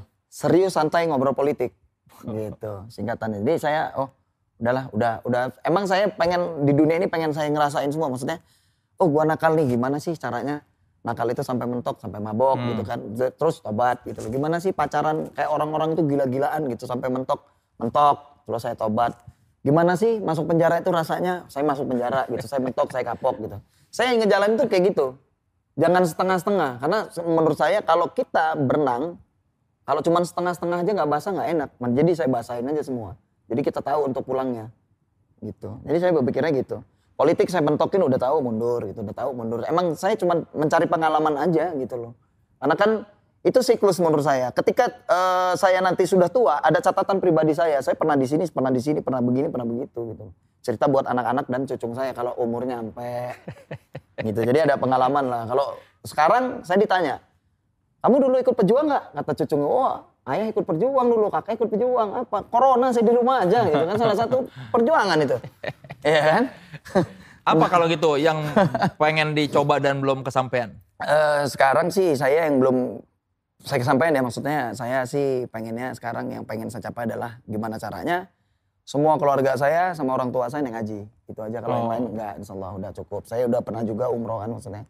Tinggal eh, impian saya cuma itu aja. Saya anak-anak saya orang tua saya tante-tante saya ada rezeki saya pengen berangkat ke Mekah bareng. Itu aja sih Itu saya. sekarang yang Iya, tujuan saya. Kalau target yang lain insya Allah enggak lah. Tuhan udah udah berlebihan. Saya udah punya bisnis maksudnya beras walaupun kecil ada saya lagi bikin kafe walaupun lagi ba saya bangun belum jadi ada gitu loh. Maksudnya eh, rumah gitu. Udah ada beberapa rumah gitu. Jadi menurut saya Tuhan udah ngasih saya terima kasih banyak Tuhan gitu loh. sudah cukup ngasihnya gitu loh. Mungkin sekarang sudah berpikirnya saya gimana caranya rumah yatim yang satu jadi dua dua jadi tiga tiga jadi empat gitu kali. Karena untuk pribadi saya sih udah cukup Mungkin tours and travel umroh dan naik haji mau ngendorse Andika ya. amin Sekeluarga Iya, masuk gitu. Siapa tahu Cocok. dong. Iya benar, masuk itu. Diberangkatin sekeluarga siapa tahu lah ada yang nonton. Iya benar. Ayo nonton nyiram air. Minum dulu lah Iya. daripada Tapi disiram. tadi kan ngomong band yang disukain. Ada nggak yang band yang nggak disukain? Saya eh, semua band, semua musik suka. Hmm. Saya kayak campur sari aja suka. Jadi keredok semuanya campur saya suka. Hmm. Campur-campur. Mau sopang, mau dia campur sari, mau rock, mau rock and roll, mau blues, mau Melayu, mau dangdut. Itu menurut saya semua enak didengar gitu loh. Karena saya menurut saya musik itu nggak segampang sama orang yang berpikir ah lagu lu mentah nih kagak enak, enakan lagu ini. Coba lu bikin bisa nggak? Jangan komentar Hmm. gitu. Karena bikin musik sama karya itu su- sulit. Nggak semudah orang gampang untuk ngomong. Sama aja main bola, gua komentator. Ronaldo kali ini kurang fit. Coba lu main mati, lari-lari di lapangan kan. Ronaldo kurang bagus ya, nampaknya tendangan dia begini-begini. Nggak enak ngomong. Nggak enak kalau ngomong. Coba suruh main muter lapangan. Ngap. Tapi sakit hati nggak lo ketika dibilang ah kangen band jelek lagunya? Alhamdulillah nggak. Dari dulu nggak pernah sakit hati. Nggak. Karena tujuan kita adalah ke Jakarta nyari uang. Hmm. gitu loh. Jadi kalau cuman cemooh-cemooh biasa itu mah. Pro dan kontra pasti ada. Saya berpikir gini, eh, orang yang ngina kita saat ini pasti dilihat akunnya bodong. Hmm. Ngasih duit juga enggak. Ngadu sama saudara. Saudara pasti ngomong, sabar ya, sabar. Temen juga pasti ngomong sabar, nggak ngasih duit. Tapi kalau kita ngejalanin, ngasih duit. Ngasilin duit kan. Jadi, ah bodoh amat omongan orang. Yang penting gue dapet duit. Karena toh gue berpikirnya, terima kasih buat obrolan lo yang selama ini ngina gue atau ngomongin kita. Ataupun kangen band, ataupun gue pribadi, nyinggung gue pribadi. Terima kasih. Yang jelas lu lebih miskin dari gua, gitu aja prinsipnya. Kalau lu kaya nggak mungkin ngotorin tangan lu, ya kan? Lu apa sih yang lu punya untuk ngomong? Paling rumah lu ngontrak kalau nggak ngekos, kalau nggak pakai aset pribadi bokap lu, orang tua lu. Kalau gua semua sendiri pak punya segalanya gitu. Gua sih gitu, lebih lebih berpikirnya terima kasih sama mereka. Mungkin itu salah satu yang untuk ngibur mereka kan. Dengan cara dia ngecengin, ngomongin orang, mungkin suka gitu kan. Padahal dia nggak sadar dia psikopat ya kan, punya kelainan. Jadi dalam dalam sepanjang hidup lu tuh lu mas apa merasa terpuruk justru ketika di penjara itu ya, bukan karena dihina-hina. Wah, Andika Oh, jelek, ya. Andika jelek, kangen santai. Kalau dia omongin itu lebih santai saya. Di penjara tuh berapa lama sih? Eh, saya paling lama satu tahun, paling lama tuh. Sebelumnya enam bulan, sembilan bulan. Berapa kali emang berarti? Tiga. Tiga kali. Tiga. Hobi ya? Hobi itulah, mentok masalahnya. Kemarin kan, oh, gue masuk nih, ketemu bandar narkoba, coba deh ketemu yang satunya yang bukan bandar gitu kan, yang kriminal gitu kan. Sharing, kenapa sih lu bisa maling? Kenapa sih lu bisa ngambil motor? Kenapa sih lu jadi perampok? Kenapa sih lu bobol bank gitu? Ya kebanyakan faktor ekonomi, bisa sharing. Kadang di luar juga kalau bising enakan di dalam. Di dalam kan makan disiapin, tidur dijagain. Orang mau ketemu gak sembarangan. Tergantung bapaknya boleh apa enggak. Ya. Pelajaran paling berharga apa di penjara tiga kali itu? Satu, bisa baca karakter orang ya maksudnya. eh, bisa lebih menghargai orang. Orang yang di penjara itu lebih disiplin. Hmm. Kenapa lebih disiplin? Kalau di luar mereka nggak disiplin. Sehingga mereka ketangkep. Tapi ketika di dalam mereka diatur harus disiplin. Nah di situlah saling menghargai, menghormati. Gitu loh. Yang tadinya kita tidurnya apa ngomong di tempat kayak gini juga nggak mau. Di situ harus disemen kan. Tidurnya beralasan dengan aqua. Aqua diisi air itu Hmm. bantalnya. Ya di situ dapat pengalaman ngobrol sampai malam gitu lah. Terus jauh dari keluarga, tengah malam mikir lagi ngapain, anak lagi ngapain, keluarga di situ kita punya pemikiran ah lain kali gua jangan ke sini lagi deh gitu loh. Kasihan anak gua, ngapain kita buang-buang waktu. Judul-judulnya pegang tralis rame-rame tengah malam kan. Yang lain ada yang tidur kayak ikan asin. Ada tiga empat biji megangin tralis nangis, mulai sering langkur, mulai peduli sih, care maksudnya. Sabar ya bro, nggak tahu lah bini gua lahiran gua kangen sama dia, sabar. Di mana ini lahiran gua? Gua di sini, bini gua nggak punya uang. Oke, gua bantu. Ya lebih kekeluargaan ya menurutnya. Menurut gua tuh eh, ada beberapa orang yang untuk pemikirannya untuk berubah, ada beberapa orang yang nggak mau berubah. Misalnya di dalam masih dagang ada. Cuman tergantung hikmahnya yang gua dapat sih, gua lebih ini ya, lebih apa berpikirnya positif. Kalau lu mau berubah, keluar dari situ lu pasti berubah. Tapi kalau lu nggak mau berubah, keluar dari situ lu lebih jadi dari bajingan. Udah positif jadi bajingan gitu. Lu butuh tiga kali penjara buat berubah ya? Iya. Karena gua kan kasusnya, oh nggak enak, lu coba deh main sama kriminal biar tahu gitu loh. Hmm. Jadi ya udah deh, gua tahan beli kamar di kriminal gitu. Hmm. Ya gue pindah deh ke kriminal, kayak mana sih seremnya gitu. Gue tuh pengen baca karakter orang satu sama lain. Oh, lu jadi preman kayak mana sih? Enak gak jadi preman orang-orang setor gitu kan? Lu jadi maling motor kenapa sih gitu? Lebih ke situ. Lu jadi bandar narkoba kenapa lu asal usulnya? Gue aja pakai sengsara, apalagi lu bandar gitu kan? Ya lebih sharing aja sih pengen tahu. Waktu pertama masuk, mereka tahu nggak kangen band orang-orang itu? Tahu, sudah tahu. Terus reaksinya gimana? Ya di dalam itu kan kayak apa ya? Kayak segerumbulan brutal ya, maksudnya bukan brutal bener-bener liar. Eh, ada beberapa orang yang dibesuk sama keluarganya, ada yang dilihat AI, AI itu anak hilang yang nggak pernah dibesuk. Hmm. Jadi dia orang ini tahan apa beli gitu. Jadi kayak saya masuk, saya itu dibeli, masuk kamar ini, masuk kamar ini, masuk kamar itu gitu kan. Jadi kayak tur aja kita pindah-pindah gitu. Ya seneng sih suka. Jadi temu teman baru berhari-hari udah kenal semua pindah lagi ditarik ke situ gitu seneng sih. Gitu. Kenapa ditarik-tarik? Nggak tahu karena mungkin mereka mau kenal kan, mungkin mereka juga ya sorry ya maksudnya di dalam kan makannya susah. Jadi dengan adanya saya di situ mungkin bisa berbagi gitu. Karena dijengukin dapat Ya, makanan. dapat makanan gitu. Sedih sih sebenarnya teman-teman semua masih di dalam mudah-mudahan eh, tetap kuat, tetap sehat, jaga kesehatan, mudah-mudahan ada pintu masuk, ada pintu keluar. Sungguh bijak sekali. Saudara-saudara tepuk tangan dulu dong untuk Andika Mahesa. Enggak, masalahnya ngomong-ngomong kayak gini kok gue tiba-tiba terkenang mereka kasihan kena hukuman yang lama 20 tahun, ada yang seumur Iya. hidup kan. Gitu. Maksudnya seusia mereka gitu harus kena hukuman seumur hidup tuh kan menurut gue berat. Gue yang satu tahun, enam bulan, 9 bulan berat. Iya sehari itu kayak sahabat, apalagi yang seumur hidup gitu loh. Makanya ya mudah-mudahan mereka sehat selalu lah. Ada pintu masuk, ada pintu keluar. Iya. Gitu. Oke sebelum kita ngobrol lagi kita main games dulu ya. Wah. Gamesnya Perda, pernah atau tidak?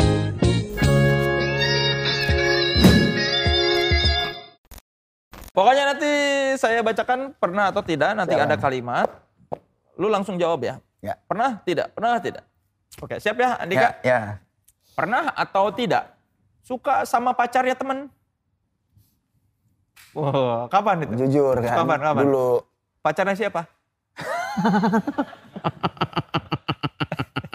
Kan dulu. Masa mau disebutin? Ya kan dulu. Ya ada teman maksudnya, teman sekolah dulu. Temen band ya? Ya bukan teman band, saya kan nggak ngeband. Teman sekolah. Teman sekolah. Jadi ya suka aja gitu loh, manis. Sukanya gimana kok kayak langsung tersipu gitu? Iya enggak, cinta namanya cinta pertama kan maksudnya. Cinta pertama, pacar orang. Iya. Ya bukan pacar orang sih sebenarnya lebih gua nih sama misalnya sama Kang Soleh Iya. suka sama seorang kita temen nih. Iya. Cuman kalah cepet guanya gitu loh. Oh. Kalah cepet selip. Siapa? Se- Sebut dong namanya. Ay, siapa tahu dia nonton. Eh, Kacau. kan nggak apa-apa ya, dong. udah punya suami Iya kan. nggak apa-apa. Kan bukan mau ngerebut istri orang. Iya. Ini kan kita mengingat masa remaja. Tidak ada salahnya. Ini kan bukan aib. Iya benar. Eh, sebut dong siapa namanya? Ayo dong. Eh, enggak. Iya. Ah. Ka- Kan nggak usah malu. Iya sebut aja mawar gitu ya. Eh, emang tersangka. Melati melati. Jangan Siapa- kan udah siapa- punya siapa suami. Lu tahu kan? Valen Valen. Ah, Valen. Valen. Ya. Valen. Valen. Valen apa? Ya Valen. Ini panjang-panjang ya orang kan panggilannya Valen. Pak. SMA, ber- SMA Namanya siapa? Sup? Panjangnya Valen Sup? Ini SMA berapa? SMA berapa? Oh, jangan bandit juga lo ini. Pokoknya teman SMA kan? Ya. Ya cari aja SMA-nya Andika di mana. Tadi dia Gua gak sekolah. lu nggak lu nggak sekolah Enggak lah SMP kelas 2 berhenti. Ah, kasihan. teman SMA. Ya. Cari aja Andika punya teman anak SMA mana. Karena nama Valen kan masih jarang kan. Valen Iya, itu nggak- Valen nggak di. Lampung. Ya, Pak. Kok di Lampung, iya benar. Lampung dong, kan Ya. lu tinggal di Lampung. Iya, kacau juga kan. Lampung kan? Udah kan, kan? next. Kenapa, Suaminya, kenapa mesti malu? Eh, justru suami, Hah? suaminya anggota.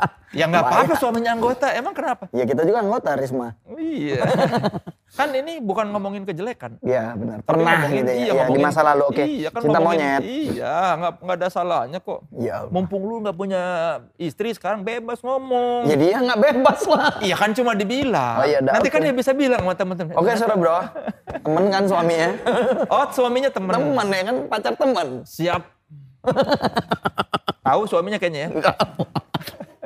Kang, next Kang. Enggak, nanti pasti istrinya ke suaminya bilang, kamu tahu lah apa kenapa aku milih kamu.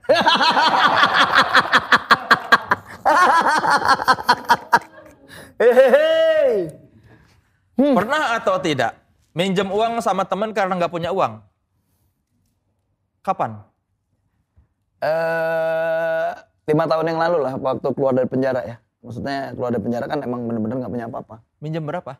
Jam sekitar 10 juta Sama? sama Pak Bos, saya manggilnya.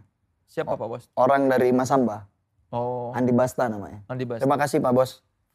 Jadi Di saya Bali. keluar, Hmm. eh, dia kan main minyak ya maksudnya punya kapal gitu tongkang. Hmm.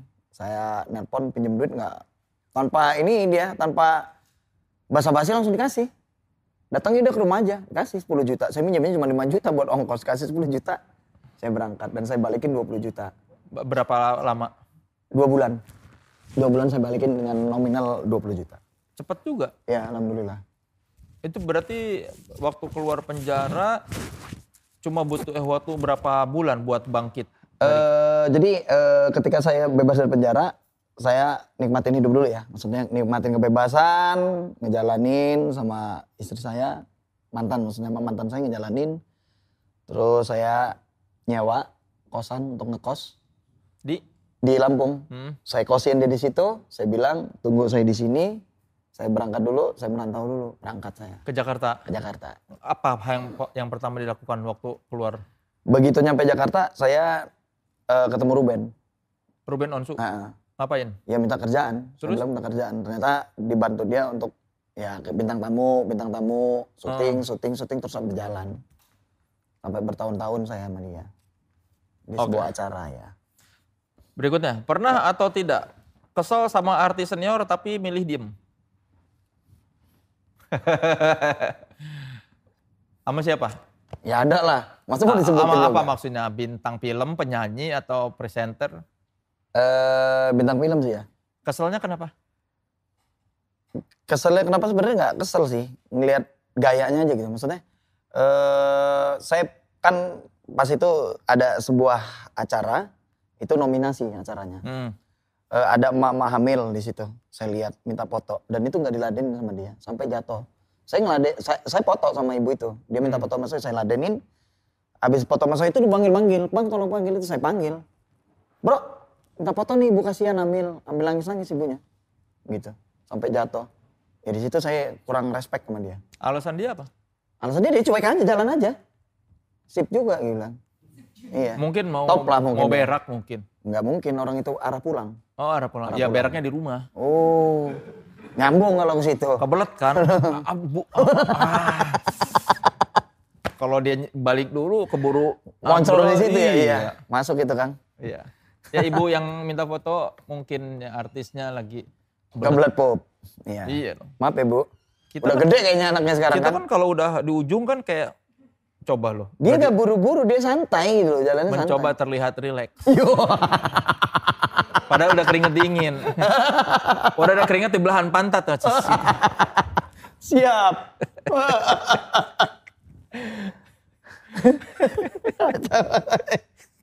Oke berikutnya ya. ya.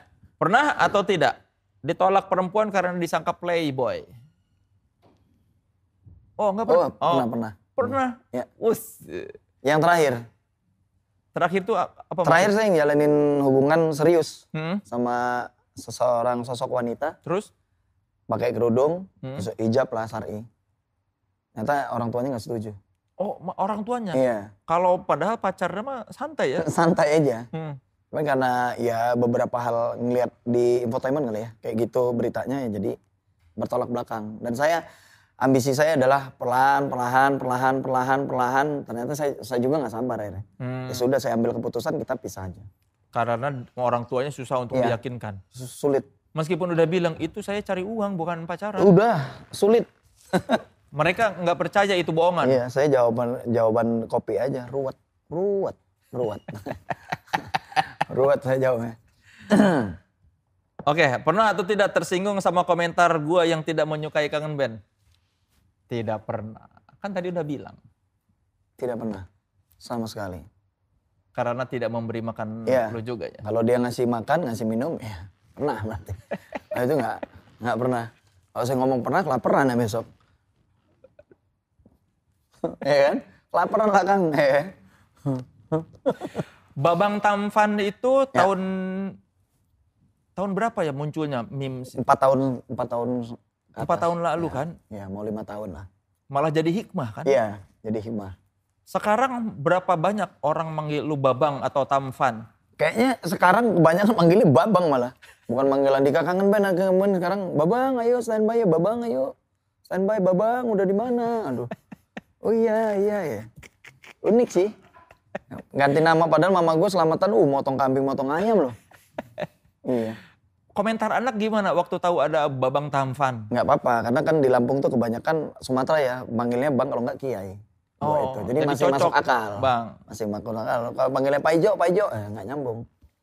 Larso, Larso gitu. Kang Asep, Kang Asep masih enak. Bandung kan. Itu kan kebetulan Lampung. Lampung tuh identik dengan Abang. Bang gitu. Kalau di Bandung kan Kang gitu Iya. kan. Asep gitu kan, Kasep gitu. Lebih ke am- aman sih, nyaman. Tapi kan katanya dulu awalnya sempet ini juga, aduh kenapa Esmoni. Babang enggak, maksudnya Babang kayak, aduh kayak diledekin. Iya. Eh sebenarnya sih nggak emosi ya, maksudnya eh, lebih lebih gimana ya, lebih keganggu. Karena eh, ngeganggunya itu kalau dipanggil babang sih sebenarnya babang tampan biasa aja, Hmm. santai aja. Yang ngeganggu itu adalah edit-editan fotonya yang aneh-aneh itu. Babang tampan, mukanya meleot, Justin Bieber, terus Sasuke lah gitu loh. Kalau cuman meme-meme biasa sih sebenarnya nggak masalah. Cuman meme-nya itu kadang-kadang dimeleotin gitu Paling, loh mukanya. paling aneh apa? Paling aneh Sasuke lah. Sasuke, trut trut, Sasuke panggil nengok, ah Andika kangen band gitu. Waduh, udah kacau ini. Iya. Kan ada sih yang ada belakang, Sasuke, Sasuke, ora, ora, Sasuke, ora, Andika kangen band ya. Itu sih yang menurut gua memenya, ini anak anjing apa? Bangsat nih orang gitu kan. Anjing lu ya gitu ya. Ngehe ini orang gitu loh. Gua nunggu-nungguin tuh dikirimin kan. Begitu nengok digaplok lagi Sasuke-nya. Aduh. ya itu sih eh, kalau yang lain-lain insya Allah gue nggak nggak nggak nggak nggak nggak kepikiran untuk tersinggung ya maksudnya. Tapi ada yang lucu nggak yang pengen ketawa anjir. Ya itu, Itu. itu, sampai sekarang masih viral.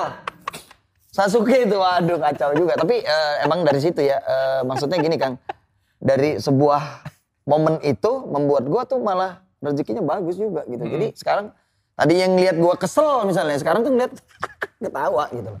Tadinya, oh, awas lo ya, awas lo gitu. Sekarang sampai ya gitu, baal Sasuke. gitu, sampai ya gitu kan. Dapatnya dari siapa itu biasanya gitu-gitu? Dari Instagram, ya, Kang. Enggak, yang pertama laporan ke lu. Teman, Ah, temen kan? Eh, biasanya ya di akun-akun aneh-aneh lah biasanya apalah memble apa lambitura apa apa gitu. Banyak lah. Meme-meme apa gitu. Banyak. Banyak.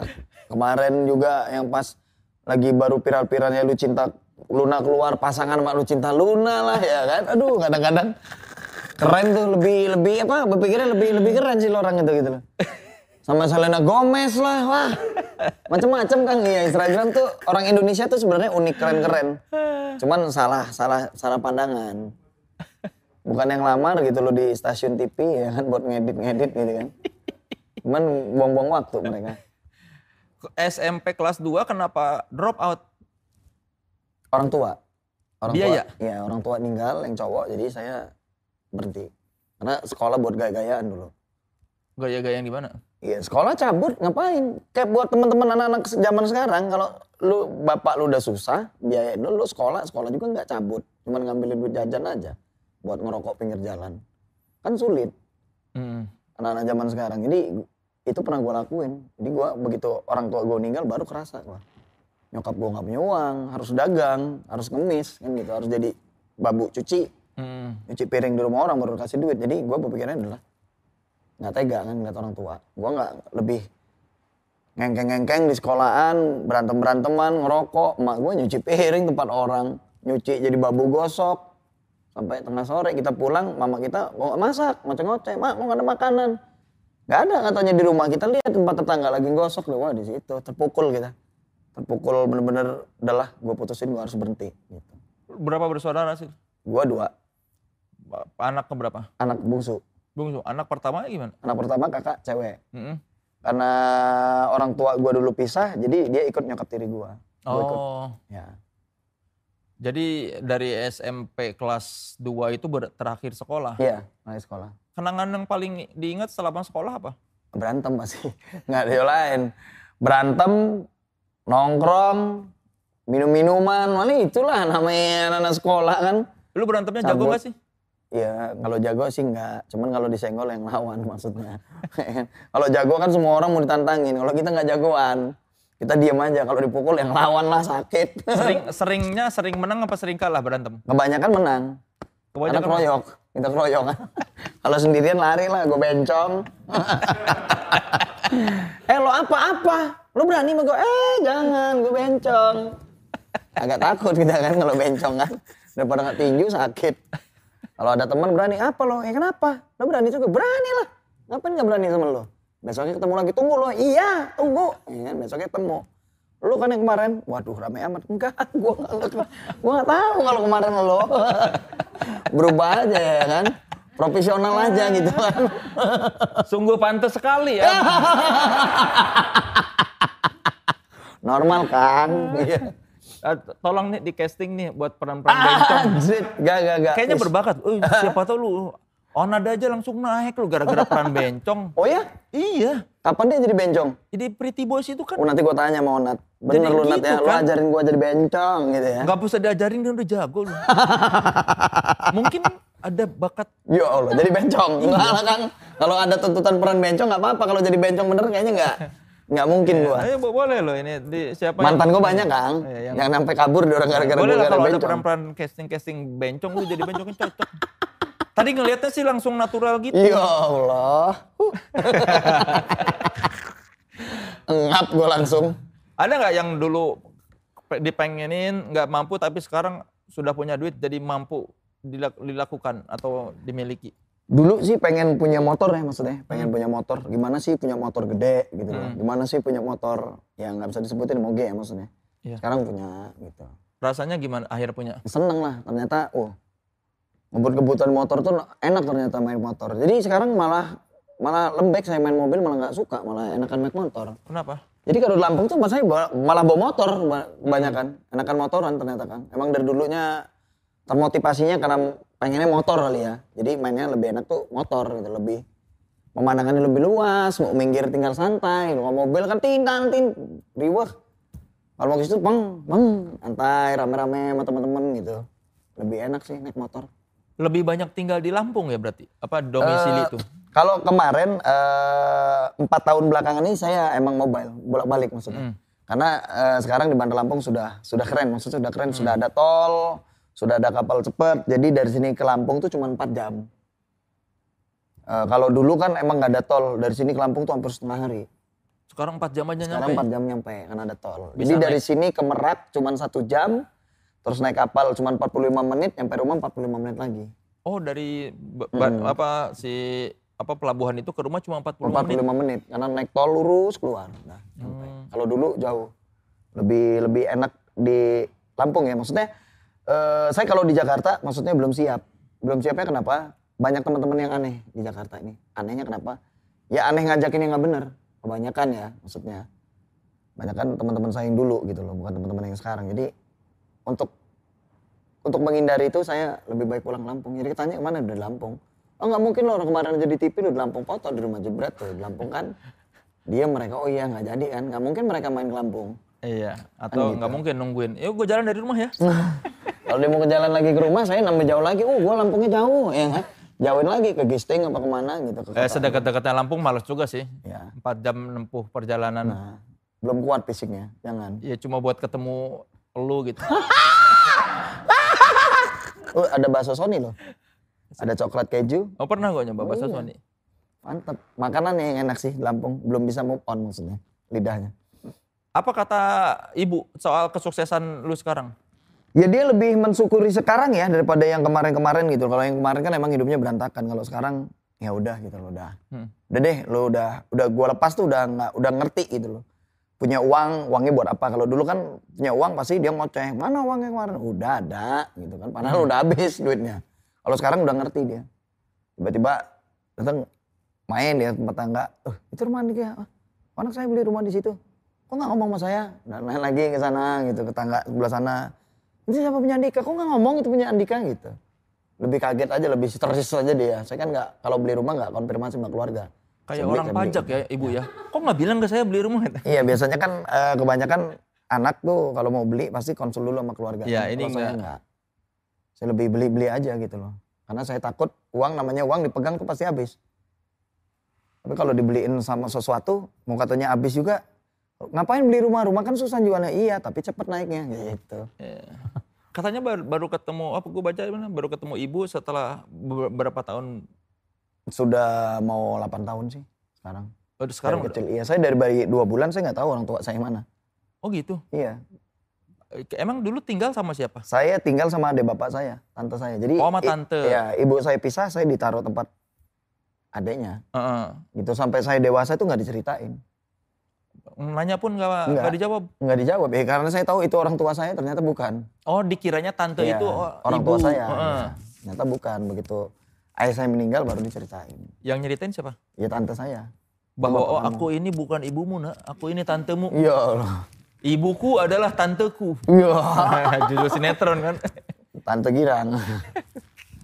Dan akhirnya ketemu ibu gimana ceritanya? Iya gara-gara saya kasus 8 tahun yang lalu masuk penjara. Heeh, terus Akhirnya berita rame kan itu. Akhirnya datang dia. ke penjara. Heeh. Dan terus tante saya ngomong, ya itu orang tua kamu. Bener-bener baru saya sujud. Itu orang tua saya. Gitu. Apa yang pertama dirasakan ketika tahu bahwa oh, ini ibu kandung? awalnya nggak nerima ya gitu. Maksudnya nggak nerima tuh, masuk lo menyia-nyiakan anak sih gitu loh. Hmm. Padahal deket, nggak taunya deket rumahnya. Oh deket rumahnya. Nggak, ya nggak jauh.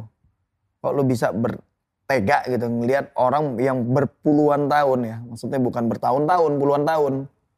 Sampai gua umur gua udah dewasa, lo kok nggak memikirin keadaan gua pada saat itu. Hmm. Ternyata orang tua gua itu ini sakit, depresi. Oh. Iya, nggak ingat apa-apa. Jadi guanya yang yang sujud di kaki dia yang nangis gitu loh. Gua nggak tahu. Kok dia tuh kayak begitu gitu. Sekarang tapi udah ini, udah. Sudah mendingan.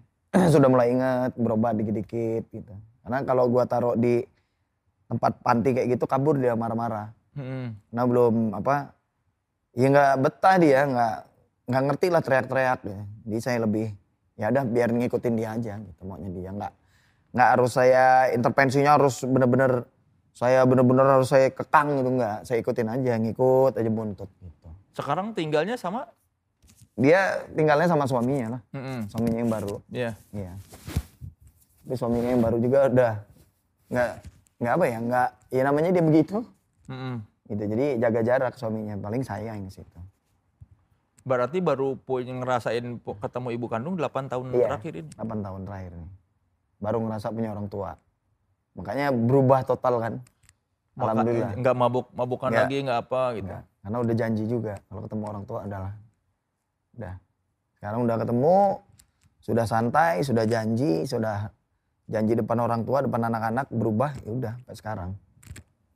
Nggak aneh-aneh.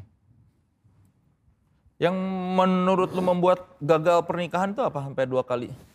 Eh, nggak sejalan ya maksudnya nggak sejalan. Maksudnya eh, dia nggak sejalan sama kita karena kita masih hidupnya belum sehat. Hmm. gue pernah ketangkep sama mantan gue di kamar. Gue lagi pakai dia nunjuk lo pilih gue sama anak lo apa pilih itu ya gue bilang pilih itulah itu seneng jadi diputuskan pisah terus gue punya bini kedua hobinya sama nih kayak gue Hmm. mabok, glamor, mabok bareng segala macem ya keren lah kata orang. Ternyata begitu tep ketangkep gua, dia nggak berubah. Ternyata sakit nahannya kita di dalam. Sakit, uh bini gue tahu nih kalau mabok pasti sama siapa nih ngeseknya gitu kan. Pikirannya aneh-aneh.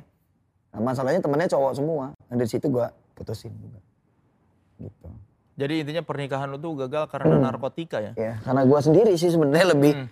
lebih karena perbuatan gua sendiri gitu loh. Kalau mereka sebenarnya tergantung imam kan. Ternyata gua imam yang kurang baik menurut menurut gua ya. Maksudnya gua ini gua ini adalah contoh imam yang kurang baik gitu loh. Jadi buat ibu-ibu juga jangan dipilih nih anak-anaknya buat saya. Saya kurang baik gitu.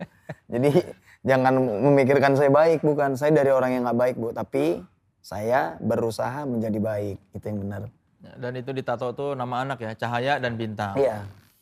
Yang tiga lagi nggak ada namanya? Nanti bulan, matahari penuh. Enggak lah. Ini kenangan terakhir maksudnya. Terakhir bikin tato kemarin. Eh, kenapa ber- itu dianggap terakhir? Eh, karena saya pengen punya anak cowok kan pada saat itu. Terus dikasih cowok lagi seneng. Itu dua-duanya cowok, Cahaya dan Bintang. Cahaya cewek. Cahaya cewek, Bintang itu cowok. Bener cowok. Bapak yang seperti apa sih Andika itu? Nah, gue bingung juga ya kalau bapak seperti apa. Yang jelas gue sih sekarang nih ngejalanin ya seneng aja gitu. Tanggung jawab sama anak-anak itu ada. Maksudnya adanya itu bukan tanggung jawab soal ekonomi aja. Maksudnya ada pada saat lo buka mata gue ada. Hmm. Melek mata sekarang gue ada gitu. Karena ke mana-mana kan gue bawa anak sekarang. Kebetulan tadi lagi tidur di hotel, makanya gue tinggal. Oh jadi kalau kerja ke Jakarta Gue dibawa? bawa, Yang lima tahun itu? iya. Gue bawa terus. Mungkin kalau tadi gue bawa ngacak-ngacak kamera nih. Masih ya kacau bumi ya kan. Masih orangnya gak bisa diem. Sama kayak bapaknya. Oh jadi kalau ke TV ke mana dibawa kalau Ikut. pas lagi nggak? Ikut terus. Kasih aja handphone anteng dia baru. Kenapa dibawa bapak? Nggak apa-apa. Itu salah satu terapi menurut gue ya. Maksudnya terapi buat gue. Apa sih Andika ini nggak nyambung gitu? Bukan nggak nyambung. Kenapa gue bawa anak itu salah satu untuk terapi sama gue. Terapi kayak gue mau aneh-aneh. Temen mau ngajakin gue aneh-aneh nggak mungkin. Gue bawa anak. Hmm. Cewek yang nge-DM DM gue nggak mungkin bisa aneh-aneh. Gue bawa anak. Ngapain? Gue mau main cewek nggak mungkin bisa juga. Ada gue bawa anak. Mau mabuk-mabukan nggak bisa. Ada anak gue. Itu adalah salah satu bentuk terapi menurut gue gitu. Ngindarin semua hal-hal yang negatif menurut gue. Hmm. Tapi nggak tahu cara pemikiran orang kan beda-beda. Tapi menurut gua, anak gua yang rubah gua semuanya. Dikit-dikit lagi ngobrol sama teman, bentar ya, jangan lama-lama. Anak gua nangis. Bentar ya anak gua gitu. Ntar ya gua bikin susu, ntar risih kan temen, pasti pulang. Gitu. Gua pikirnya gitu. Dari umur berapa dia dibawa-bawa? Dari umur 4 bulan sama gua. Dari umur 4 bulan? Mm-mm. Setelah pisah sama ibunya? Iya. Dari 4 bulan.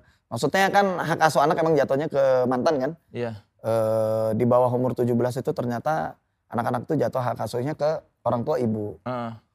Nah, tiba-tiba ibunya mungkin punya suami baru kan. Tiba-tiba ngebolehin gua. Terus Oh, gua urus. Gua urus terus. Nah, tiba-tiba ada tragedi yang kemarin-kemarin tuh kayaknya gua akan urus semuanya gitu. karena udah kejadian seperti itu. Mm-mm. Gitu. Kalau gitu yang selalu lu tekankan sama anak-anak lu apa? Pelajaran apa?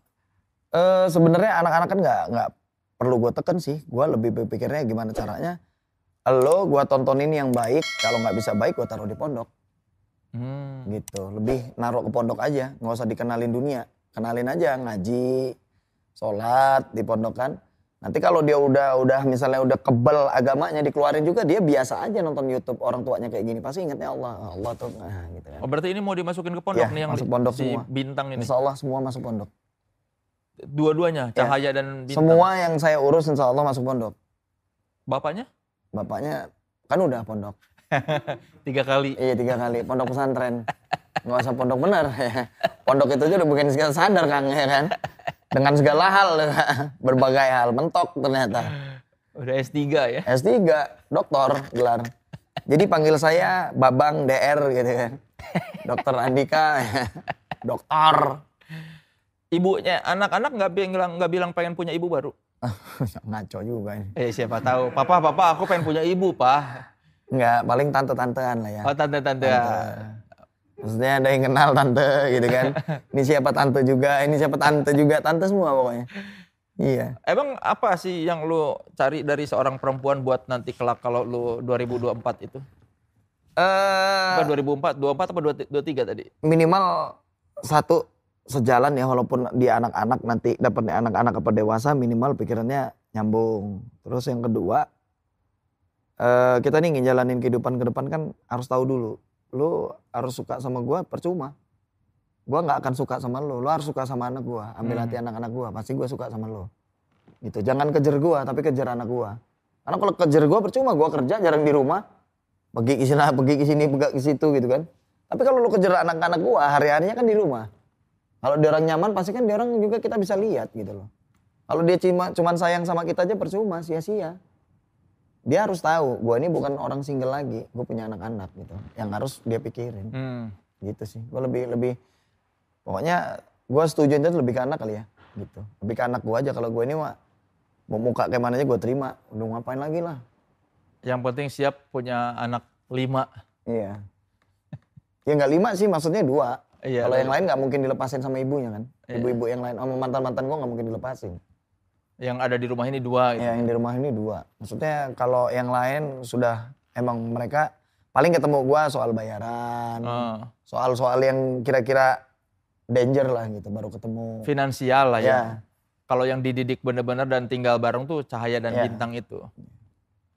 ya silakan para perempuan yang Ah ini ngaco dikit-dikit silakan, dikit-dikit silakan.